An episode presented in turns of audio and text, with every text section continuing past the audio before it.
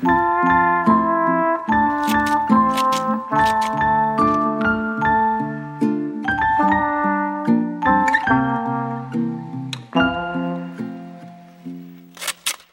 Tanja. Og hjertelig velkommen til episode 65 av Sømmelig podkast. I dag skal vi prate om stoffutnyttelse. Ja, eh, for det vi har skjønt eh, folk syns at det å klippe økonomisk er eh, litt vanskelig. Og hvordan få mest mulig ut av stoffet. Så da skal vi prøve å få fram noen kanskje lure tips. Å klippe lurt og liksom utnytte maks av stoffet er jo både veldig hyggelig for miljøet, at det blir minst mulig tekstilavfall.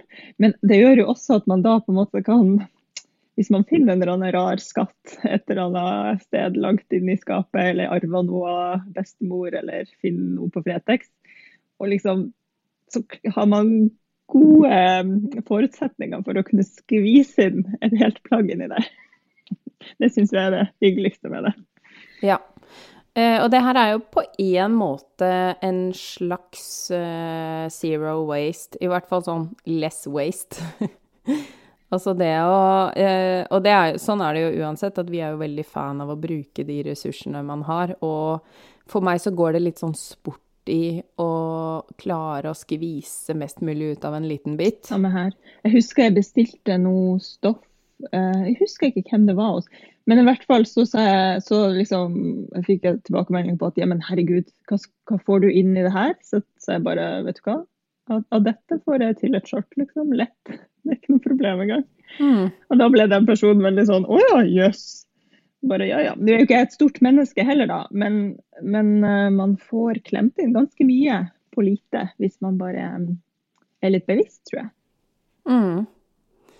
Og da er det jo f.eks. Eh, det å Man kan jo da legge inn flere sømmer f.eks. For, for å oppnå det, eller man kan Altså hvis man har plagg med mange biter, så kan man jo plassere dem nesten inntil hverandre, bare så det akkurat er plass til sømrom. Eh, og selvfølgelig beholde trådretningen, da. Litt sånn på kryss og tvers på hele biten. Altså det er det beste jeg vet når jeg har en eller annen sånn gammel skatt som jeg klarer å skvise et helt plagg ut av. Mm. Jeg blir så glad at det er verdt alle de der skjøtene jeg er nødt til å putte inn. Ja. Ja, og skjøter kan man jo også legge eh, på smarte steder, da, sånn at de ikke vises så godt. Eh, som eh, ja, mm. gjør at det ikke nødvendigvis blir liksom eye-catcherne til du har skjøter. Ja, har du mm. noen gode eh, eksempler på smarte steder å skjøte?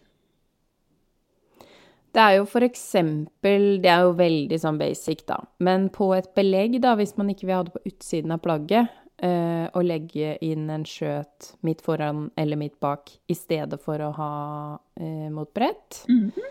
eh, for da kan man plutselig skvise den inn på en sånn liten rest som var ved siden av et eller annet. Alternativt, og dette er sånn nesten litt kontroversielt, så kan man jo også dele et belegg i flere biter. Mm. Hvis man ikke får plass til hele. Men det er sånn Da ville jeg nesten valgt et annet stoff til beleggene, ja, det, så ikke ja. det blir klumpete, da. Ja, for det sømrommet kan jo bli litt uh, I hvert fall hvis det slår igjennom. Det kommer veldig an på stoffet her, men ja. Mm. Mm. Ja. ja, det gjør det. Eh, ellers er det jo inni lommer, f.eks. Der gjør det jo ikke så mye. Eh, men jeg syns jo det f.eks. å legge inn et, eh, en skjøt midt bak, er det jo ikke alltid man Altså det er jo ofte sømmer midt bak på plagg, mm. så det gjør jo ingenting. Ja. Har du noen favoritter? Jeg syns jo det alltid er hyggelig um, nu, Dette her kommer jo også litt an på stoffbiten og sånn, men et erme føler jeg ofte tar så utrolig mye mer plass enn jeg har lyst til. Eh, og mm. Spesielt fordi det må jo ligge trådrett, ikke sant? og det er bare sånn åh, mm. irriterende. Så jeg syns det er veldig hyggelig å dele det inn i to sømsermer, hvis det liksom kniper skikkelig. For da får man fordelt det litt Det blir litt sånn tynnere biter, som man kan få fordelt på litt ulike vis. Men også der, eh, hvis det er tosømserme, er veldig hva skal man si, anatomisk korrekt og har en eh, riktig knekk, så tar det jo også litt plass. Mm. Men jeg føler likevel at jeg klarer å liksom snirkle de rundt hverandre mer enn et etsendserme.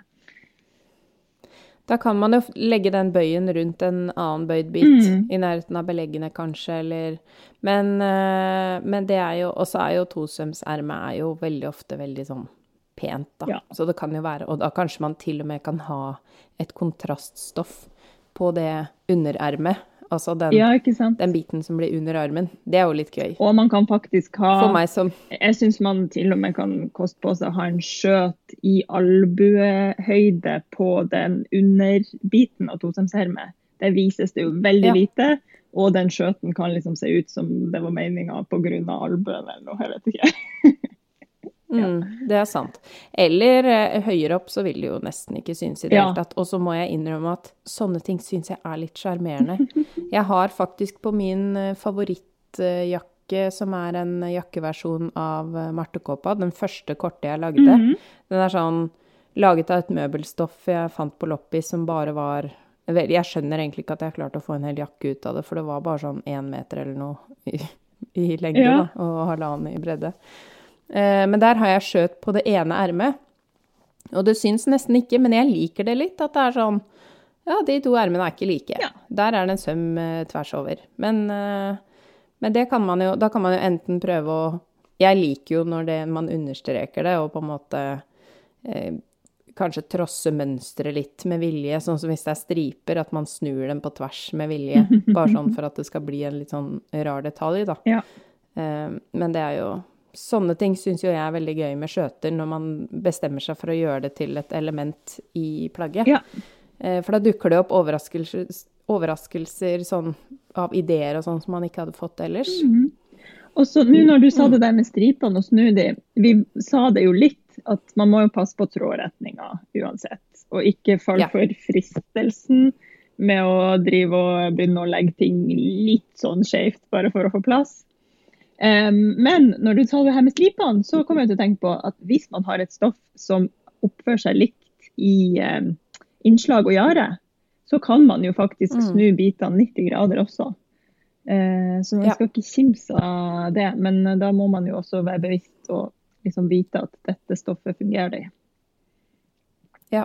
Man må kjenne på stretchen, at det ikke er stretch én vei og ikke den andre. Da blir det jo veldig merkelig hvis man tar den samme biten bare 90 grader på den andre siden. Ja, det kan bli spennende. Eh, men samtidig kanskje noen ganger at det blir en kul effekt hvis det faller litt rart på den ene siden og ikke på den andre. Kanskje du får en sånn morsom drapering som blir asymmetrisk, men da skal man ha litt flaks. Ja, jeg tenker hvis um Ja, alt på accident kan jo skje, men vær nå litt bevisst hva man gjør, sånn at man ikke får seg overraskelse når man tar den på seg. Mm. Ja. Eh, og denne stoffutnyttelse-episoden er på en måte en slags forlengelse av denne fargeblokking-episoden. Ja. Eh, for det er jo eh, rett og slett litt sånn Ja, det er et litt sånn flytende tema at det at man kan putte inn et annet stoff hvis man akkurat ikke har nok, eller Skjøting er jo også en del av det med fargeblokking, da. Sånn at i forhold til hvor man legger skjøtene og sånn, så snakker vi jo en del om det i den episoden også. Ja, absolutt. Absolutely. Og det jeg tror er litt Mm. viktig at folk eh, blir bevisst og tenker litt over, er at fakt, det er jo egentlig et, en luksus i dagens samfunn. At vi har så store stoffbiter at vi ikke trenger å skjøte. For hvis man tenker liksom back in the day, så var jo ikke vevene Altså de fleste hadde jo vever hjemme. Og da var de vel kanskje sånn maks 90, om ikke enda smalere. Da hadde man jo ikke noe Mm. bredde på de stoffbitene, så det var mye vanligere å skjøte i gamle dager. Ja. Og så syns jeg det er litt sånn rørende, men det er nok kanskje også fordi det minner meg om gamle klær. Det derre når man finner sånn en skjøt på et litt overraskende sted, eller eh, når man ser at det her var ikke en opprinnelig del av designet, da. Det, jeg syns det er veldig sånn sjarmerende. Jeg blir veldig glad av sånne detaljer. Eh, og så er det jo det der at du kan f.eks.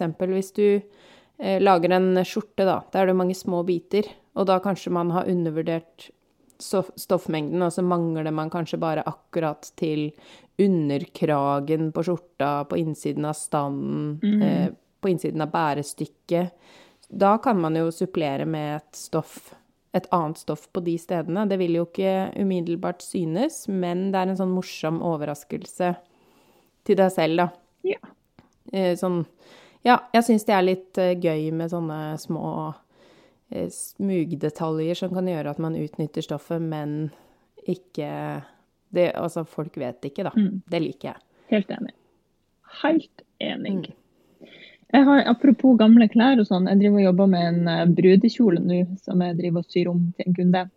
Og det er vel bestemora hennes sin eh, kjole. Og der er mm, skjørtdelen klippa på skrå, og da selvfølgelig skjøta nederst. For det er jo en sånn eh, typisk eh, stofftyv med en gang man begynner å legge mønsterbitene på skrå. Eh, Så Mm. kommer man ut forbi stoffet hvis det ikke er bredt nok, og hvis man skal ha en del lengde. Så, og det syns jeg egentlig er litt sånn eh, Jeg tror det går igjen veldig mye. Fordi mange av de her veldig fine selskapsstoffene, silkesjefong og sånn, de er jo ikke så brede. Mm. Man får jo det jo ofte i sånn meter ti.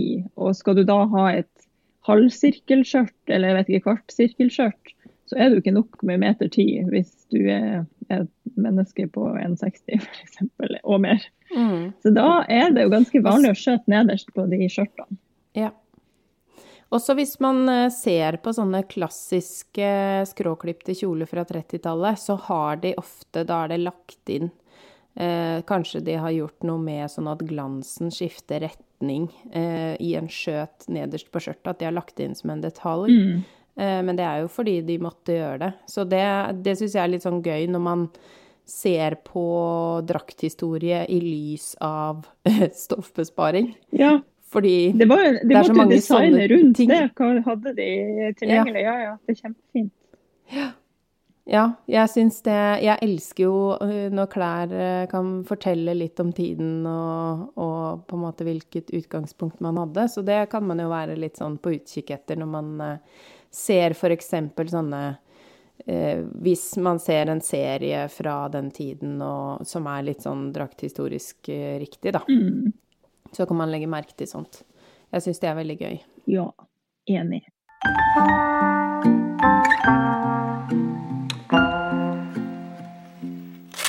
Ok, så mens det fortsatt var eh, helt normalt å reise til utlandet, så var jo jeg i København med min mann på kjærestetur, og da eh, hadde jeg bestemt meg for at jeg skulle få lov til å spandere på meg et stoff eh, på Widerberg, som er en sånn nydelig skredderforretning i sentrum av København. Har du vært der, Tanja? Nei, vet du, der har jeg enda ikke vært. Jeg gleder meg til den dagen jeg kan. Altså, det er jo en godtebutikk, og det er så koselig der. Eh, sånn, det er sånn koselig gammeldags følelse, man får stoffet pakka inn i gråpapir. Og bare øh, Ja, veldig fint. Og da bestemte jeg meg for at jeg skulle få lov til å kjøpe et ordentlig fint kvalitetsstoff der, selv om jeg på en måte egentlig ikke hadde råd til det, da. Men så det, det var liksom en del av turen. Ja. Eh, det er jo ikke akkurat sånn at jeg driver og shopper så veldig mye ellers. Da, men jeg hadde jo ikke råd til så mye, så da virkelig finregna jeg hvor mye jeg kunne klare å, å klemme inn på minst mulig da, av de der smale, sånne én meter brede stoffene. Så jeg kjøpte en sånn nydelig vevd silke som er eh, vevd sånn at den har to sider, og så eh, har på en måte mønsteret bytta plass på den andre siden. Ehm, og den har jeg jo nå spinka og spart på. Jeg har ikke rørt det stoffet. Det ligger fortsatt inni det papiret, og så hender det at jeg tar det fram og ser på det, og så pakker det ned igjen etterpå. Eh, men det er også litt fordi jeg planlegger eh, et eh, jakkemønster etter boka, da. Det, det har vært i, på boka ganske lenge, eller på skisse, i skisseboka ganske lenge, denne jakka. Med mange delesømmer, da. Sånn at jeg skal kunne klare å, å forhåpentligvis skvise ut den jakka i dette nydelige stoffet. Eh, og for sånn er det jo veldig ofte med de, de fine, ganske dyre stoffene, at de kan være så innmari smale. Eh, og da, da kjøpte jeg sånn 20 cm av et annet stoff jeg heller ikke kunne motstå. Fordi da tenkte jeg at da kan jeg ha det til alle belegg og alle sånne småting som blir sånn litt synlig. Ja. Og så må jeg sikkert da kjøpe et tredje silkestoff som ikke er så rådyrt eh, som ekte fôr, da. Men, eh, men det tenker jeg at eh, der vil det antageligvis bli en del skjøting, så det kan være sånn stay tuned for eh, Skjøtebonanza. å se sk- skjøtebonanza.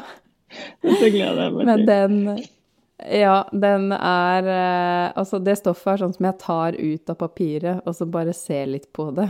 Mm. Og tar litt på det, og så pakker jeg det inn igjen, og så legger det tilbake. Deilig. Og det Ja, det blir jeg så glad av, så det gleder jeg meg til. Men da har jeg jo altså planlagt at jeg nesten egentlig ikke har nok stoff. Eh, Så det blir eh, Det skal bli interessant. Ja, har vi noe å glede oss til når du går i gang med dette Ja. prosjektet. Da blir det stoffutnyttelse del to, praktisk, praktisk tilnærming. Ja. Ja. Hvis jeg husker det, kanskje jeg skal lage en liten film til Patrion når jeg kommer så langt. ja. Men, Der du eh, river deg i håret. Nei da. Nei da. Hvorfor? Ah. Men du, eh, nå kom jeg på en Ja. ting som jeg, eh, som jeg glemte å si i stad, da vi fortsatt prata om liksom, å legge mønstrene på stoff og sånn. For jeg kom på en historie. Kom også på en historie her. Um, da jeg og godeste praktikanten min på den tida, Johanne, eh, vi drev og um, skulle skifte fôr i en jakke. Og så hadde jeg kjøpt eh, For den, det fôret som var i der, det var mellomfôra med sånn denne pusete uh, syntet-mellomfôrgreie, hvis du skjønner hva jeg mener. Og så mm. eh, tenkte jeg ja, men det må vi jo eh, gjenta i det, det nye fôret, da. Så vi skulle doble den. Og så hadde jeg en bit med sånn thinsulate eh, mellomstoff liggende.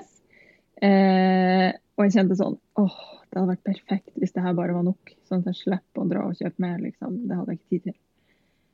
Og vi sto der jeg vet ikke, vi sto der sikkert i en, eh, gode ti minutter. Og eh, Johan hadde liksom lagt alt fint, og, og det var liksom bare sånn bitte litt som mangla. Eh, og da var vi kanskje også litt slitne og trøtte, jeg vet ikke. Men eh, man skal aldri glemme og aldri undervurdere det å bare speilvende mønsterdelene. For man legger det jo gjerne bare med liksom oppsida ned, eller med én side opp. Og så, og så eh, tenker man ikke noe mer over det. Men man kan jo faktisk, i tillegg til å snu de opp og ned og vri de, så kan man jo faktisk snu de altså sånn med andre sida opp. Ja. Og Det var det som ble løsninga, og da gikk det altså på godt nordnorsk på fetthåret. Men det gikk. Da ble jeg Ja. så fornøyd. Og det, og det er så bra at du sier, fordi det der er jo Det er min standard når jeg legger på biter. Det, jeg tenker ikke på det engang. Jeg legger alltid ut alle bitene, og så ser jeg sånn hm, Kan jeg være litt mer gjerrig på stoffet? Mhm. Selv om jeg har nok, så har jeg alltid lyst til å sy noe, noe mer av resten. Ja. Jeg har jo alltid en tanke om at kanskje dette kan bli en liten shorts til en av barna, eller det og, Så det er alltid liksom prosessen i det. Må alle bitene ligge i samme retning, eller kan de ligge amføtes, som eh, man kan kalle det, eller sånn motsatt av hverandre, da? Mm. Mot hverandre. Eh, eventuelt kan det ligge 90 grader, og så flipper jeg rundt på alt, ja, kanskje sånn fire-fem ganger. Ja, er sånn uh, Helt til jeg liten runddans før man begynner å klippe. Jeg tar en liten runde, ja, Ja. med hvis eh, stoffet er likt begge veier, da. Eh, og så hvis eh, Når jeg har landa da, hvis jeg da har klart liksom å presse ut 20 cm på den ene siden til en rest, så er jeg også så glad. Eh, og en, en rutine som jeg også alltid har, er at jeg plasserer alltid bitene lengst bort fra bretten. Alle biter som ikke må klippes på brett. Hvis stoffet bare har én brettekant, så legger jeg alltid alt mulig på den andre siden, sånn at det som eventuelt blir resten, blir én stor firkanta Mm. bit når man bretter den ut, istedenfor sånne to strimmelaktige biter. Ja, veldig godt poeng. Det gjør jeg også. Og nå sa du det Ja. der med hvis eh, stoffet kunne bretta på et sted. For man kan jo faktisk Ja. brette inn bare så mye som man trenger til en, eh, til en bretta bit. At man enten bretter det som en sånn bok, man tar liksom hver gjerdekant inn mot midten, eller kortere enn midten, osv., osv. Mm. Ja. Og da, det her får meg da til å tenke på den her. Eh, Du du har hørt det før. Jeg har hørt det før. Vi har sikkert alle hørt det før.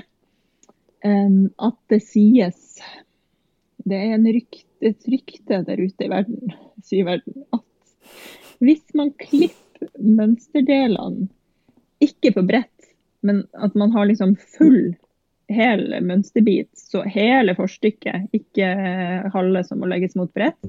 Hvis alle mønsterdelene er sånn, hel, så er det lettere å legge den der kabalen og få plass til mest mulig på stoffet.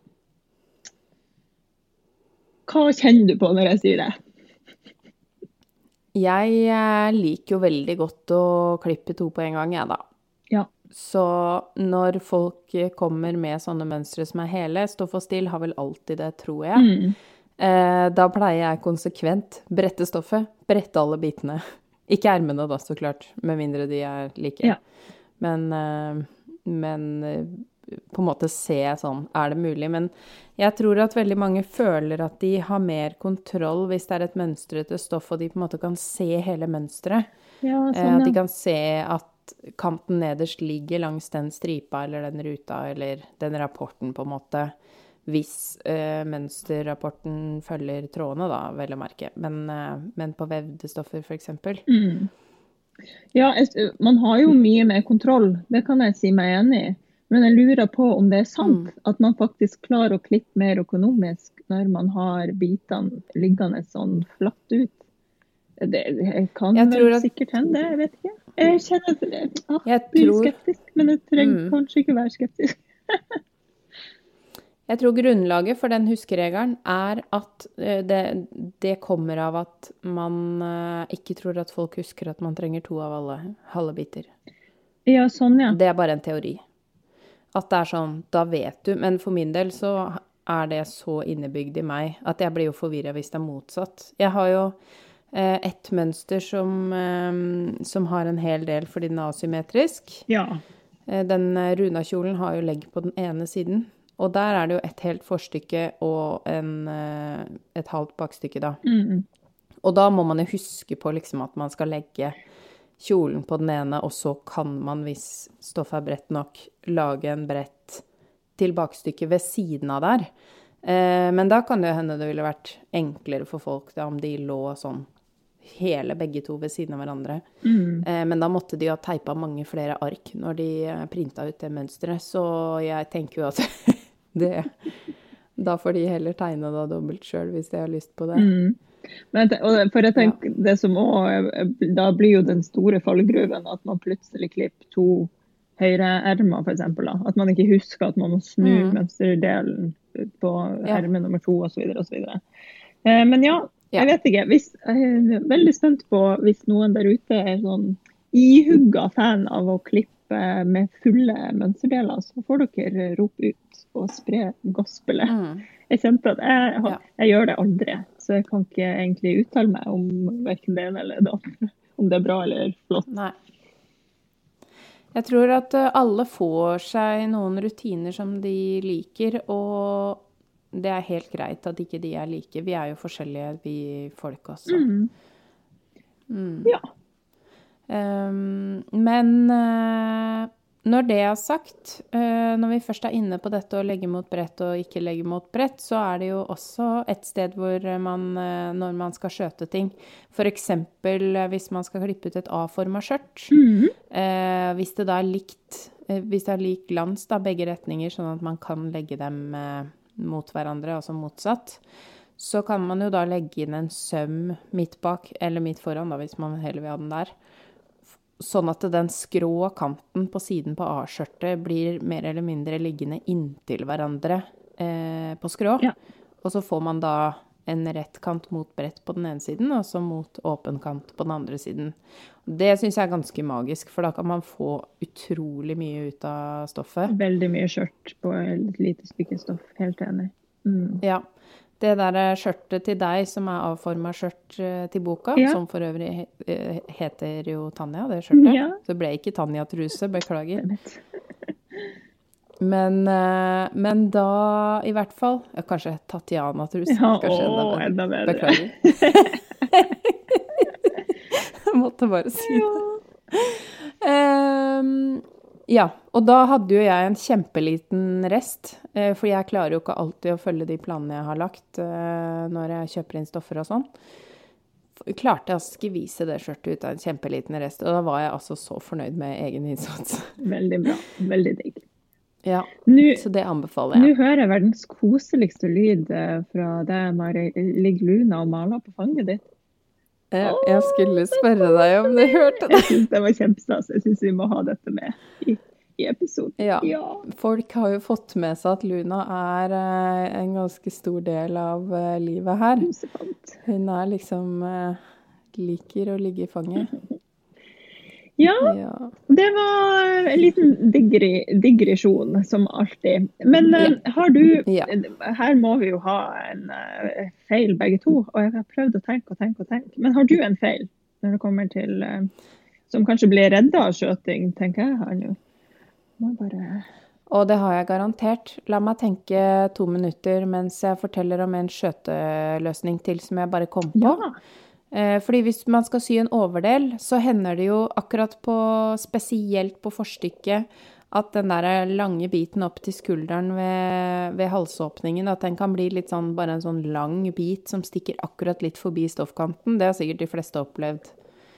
F.eks. For eksempel hvis man skal ha bare sånn bærestykke, eller ikke bærestykke, men eh, med sånt stram overdel til en kjole med, med vidde i skjørtet, da Mm.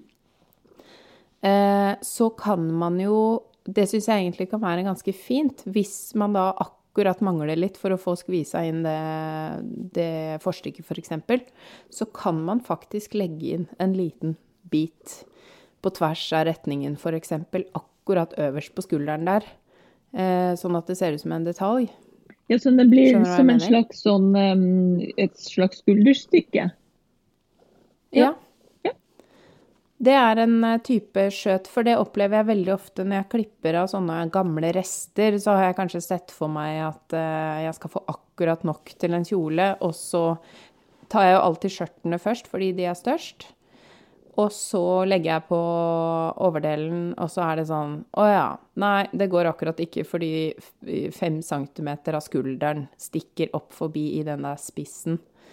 Eh, men da kan man jo bare rett og slett klippe av den biten, og så legge den som Fordi man har jo alltid plass til en sånn liten firkanta bit. Eksempel der hvor ermehullet på overdelen er, vil det jo bli en sånn eh, en pose. Mhm. Der pleier jeg noen ganger å plassere lomma for øvrig, hvis, jeg, hvis det er plass liksom oppover der. Ja. Enig, Ja. enig, enig. Sånne ting. Jeg, jeg syns jo det kan være veldig gøy når man plutselig kan putte inn en sånn liten uh, detalj. Ja. Ehm, en eh, klassisk feil er jo en sånn ting som Det er mange år siden jeg har gjort, men det der at man skal skjøte f.eks. kordfløyel. Oh. Så legger man kanskje inn et sånt bærestykke øverst for å få plass, og så tar man kordfløyelen feil vei. Ja, det skjer jo. Det er en klassiker. Det er en klassiker. klassiker. Ja, ja, ja. Ja. Og, og det å legge fordi man skal få mest mulig ut av stoffet, da, og så legger man bitene motsatt av hverandre, og så er det da kordfløyel eller annen fløyel hvor ting skinner forskjellig. Det kan jo også skje med sateng eller andre ting. Mm. Eh, Det er jo klassiske feil som jeg tenker de fleste har gjort. Det er lenge siden jeg har gjort det, men, men jeg er temmelig sikker på at jeg har gjort det i mitt liv. Ja, absolutt. Og det er jo en sånn der, en klassiker at man tenker sånn Å, nå må jeg huske på det, ikke sant. Og så Ja. føler man at man har full kontroll og styring, og så klipper man det feil vei allikevel. Mm. Ja. Og så er det jo det som jeg husker at i begynnelsen, når jeg ikke hadde fått helt rutinene inn på hvordan jeg skulle brette ting, at jeg da eh, f.eks. hvis jeg skulle sy noe av to gardiner, så la jeg bare de to gardinene oppå hverandre og klippet ut, og så lå de da med samme vei opp. Eh, sånn at jeg da fikk to høyre stykker istedenfor ett høyre og ett venstre. Ja. Det er jo sånne klassiske feil som jeg tenker at det er viktig at folk husker på. Mm. Um, men uh, ja, Ja. det var de som, eh, som kom til meg automatisk, som har med stoffutnyttelse å gjøre, da. Absolutt. Mm. Ja, jeg vet sannelig meg ikke om jeg kommer på noe sånn særlig uh, feil i en fei her. Men jeg kan dele en innspo. Um, Ja. Og som egentlig da kanskje handler Jo, det handler om stoffutnyttelse. Jeg er jo en, eh, en forkjemper for uh, sjøllaga skråbånd. Og da er jo, det er jo helt perfekt å bruke hvis man liksom har klippet noe på full skrå, eller til og med hvis man ikke har det, og har liksom et stykke igjen som man tenker sånn Får jeg brukt det her til noe, får jeg ikke brukt det her til noe? Bare krams det opp til skråbånd. Så har du eh, liksom Jeg har et lite lager med ulike skråbånd og ulike biter, så jeg alltid har en liten tjafs jeg kan dra ut når jeg skal kante en eller annen lomme eller et eller annet fint på innsida. Eh, så det er egentlig min mm. største innspo. da, at man, altså man kan jo kramse opp de små bitene man har igjen til uh, senere bruk hele veien. Og jarekanter og sånt tar jeg også ofte vare på hvis ikke jeg bruker de inne i plagget. da. Um, mm. For de er så gode som sånn uh, state tape, som det heter på engelsk. da, Som sånn stabiliserende kanting ja. inni plagg og sånn. Så prøv å bare mm. uh, ha noen sånne rutiner. Jeg har en egen stor sånn uh, rund boks i stoff. En sånn søt sak som jeg kjøpte for 100 år siden. Og der hiver jeg inn alle sånne skråbånd som jeg driver og klipper rester. Da har jeg det, liksom. Syns jeg er perfekt. Så klipper jeg de på litt forskjellig tjukkelse, alt etter Eller bredde, da. Alt etter hva jeg tenker det kan være fint å bruke de til og sånn. Mm. Veldig greit. Veldig lurt. Og, og, det er jo egentlig også som en sånt eh, bonustips til eh, stoffutnyttelse. Hvis man akkurat ikke har nok eh, lengde på stoffet til at man kan ha oppleggskant nederst, da kan man jo bruke et sånt morsomt skråbånd eh, man hadde til overs fra et annet prosjekt eh, som skonering eh, i stedet for. Ja. Det, og det i Ja, og det funka jo, det snakka vi jo i den skoneringsepisoden, men det funka jo inni ermer og sånn òg hvis du har vært litt uheldig mm. og klippa sånn at du plutselig ikke har noe opprett-kant på det ermet, eller måtte heise ermet høyere opp ikke sant, i ja, senk, senk ermeringninga og sånne type ting, bla, bla, bla, så er jo skråbanen helt mm. konge til å bare Ingenting har skjedd her. Det var meninga. Ja. ja. Og har man bare en veldig bitte liten rest, så er det jo noe som alle har hørt 100 ganger før, men som jeg faktisk gjør, bruker aktivt til gaver og sånn. Da tar jeg de siste hvis jeg ser at her er det så små og få rester igjen, men det er nok til sånn tre scrunchies. Klipper jeg bare ut de firkantene, og de, det kan være litt forskjellige, både lengder og bredder. Jeg syns det er gøy at ikke alle er like. Eh, klipper jeg de, og så har jeg faktisk en liten kurv som er til sånn ferdigklipte. Sånn eh, hvis jeg da bare har lyst til å sy litt, det har jeg jo nevnt tidligere også. Eh, men eh, det er jo altså en så fin sånn venninnegave, både til voksne venninner og til barnas venner, da. Ada blir jo så glad når hun får en scrunchie av meg, og så har jo jeg liksom 50 stykker inni det gaveskapet mitt. Herlig.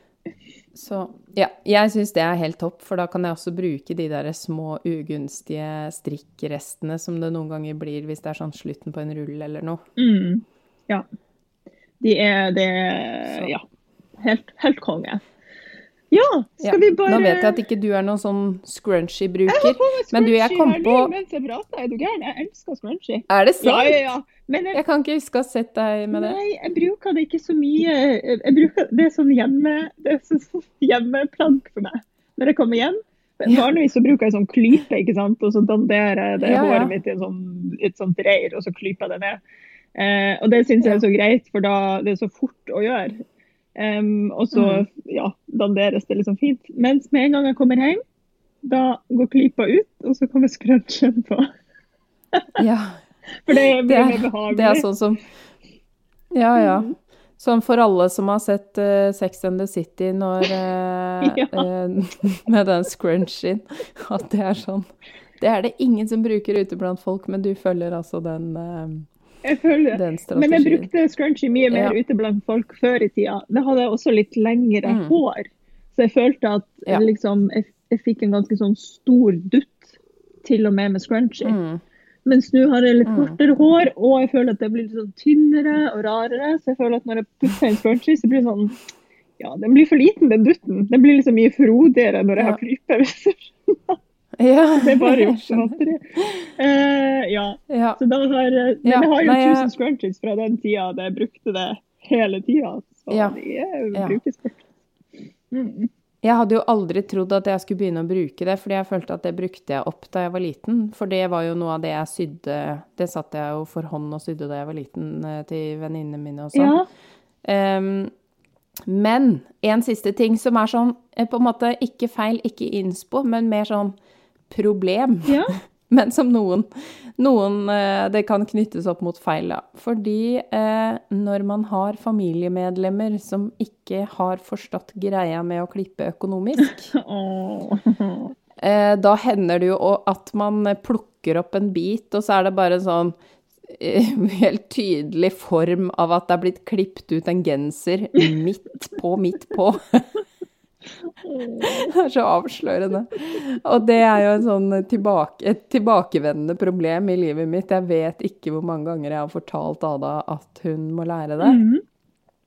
Og liksom klipp uti kanten, men det hjelper jo ikke når ikke hun lærer venninnene sine det. Vi har jo litt sånn fri flyt hjemme hos oss, sånn at eh, her er det jo mye besøk. Og mye Eh, kreativitet så- som får, får utløp på de stoffstykkene. Ja, ja det, er, det er jo ikke alle som har et sånt eh, spennende eh, rom i huset sitt Mm. hvor det er lov å gå bananas.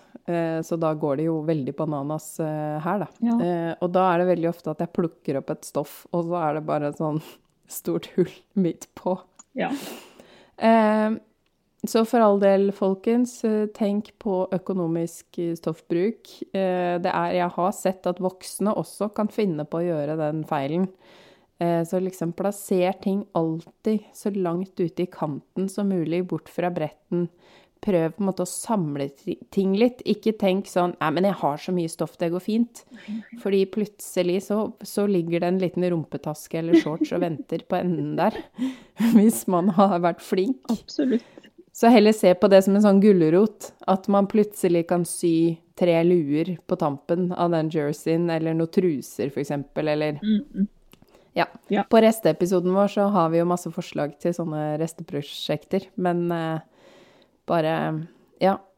Ta med økonomisk eh, stoffbruk og stoffutnyttelse inn i hverdagen. Ja. For en eh, bedre ressursbruk i livet. ja.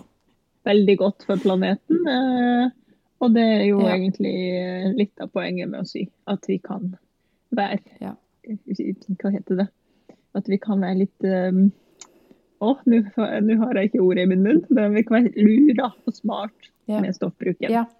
Vi kan, vi kan lure systemet. Jeg elsker det. Hver gang jeg lurer liksom markedskreftene, så blir jeg så glad inni meg.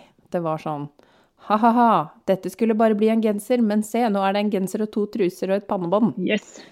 Og, og da blir jeg så glad. Fantastisk. OK. Ja, Takk for i dag, da. takk for i dag. Og eh, sy økonomisk og flott. God klipping. God stoffutnyttelse. Ha det! Ha det. Har du lyst på enda mer sømmelig innhold? Da kan du bli en støttekontakt eller en skytsengel for podden. Da går du inn på www.patrion.com slash sommelig. Der får du masse mer tips og triks, og kan også støtte podden så vi kan fortsette å produsere den. Har du noe ris eller ros, eller har lyst til å følge oss på sosiale medier, så finner du oss på Instagram. Der heter vi sommeli-podkast med k. Og du kan gjerne sende oss en mail på sommeli.podkast med k at gmail.com. Og så vil vi si tusen takk til Andreas Prestmo i Wildhagen Studios, som eh, klipper og får oss til å høres fine ut. Og tusen takk til Synnøve Overid, som lager den fine musikken vår.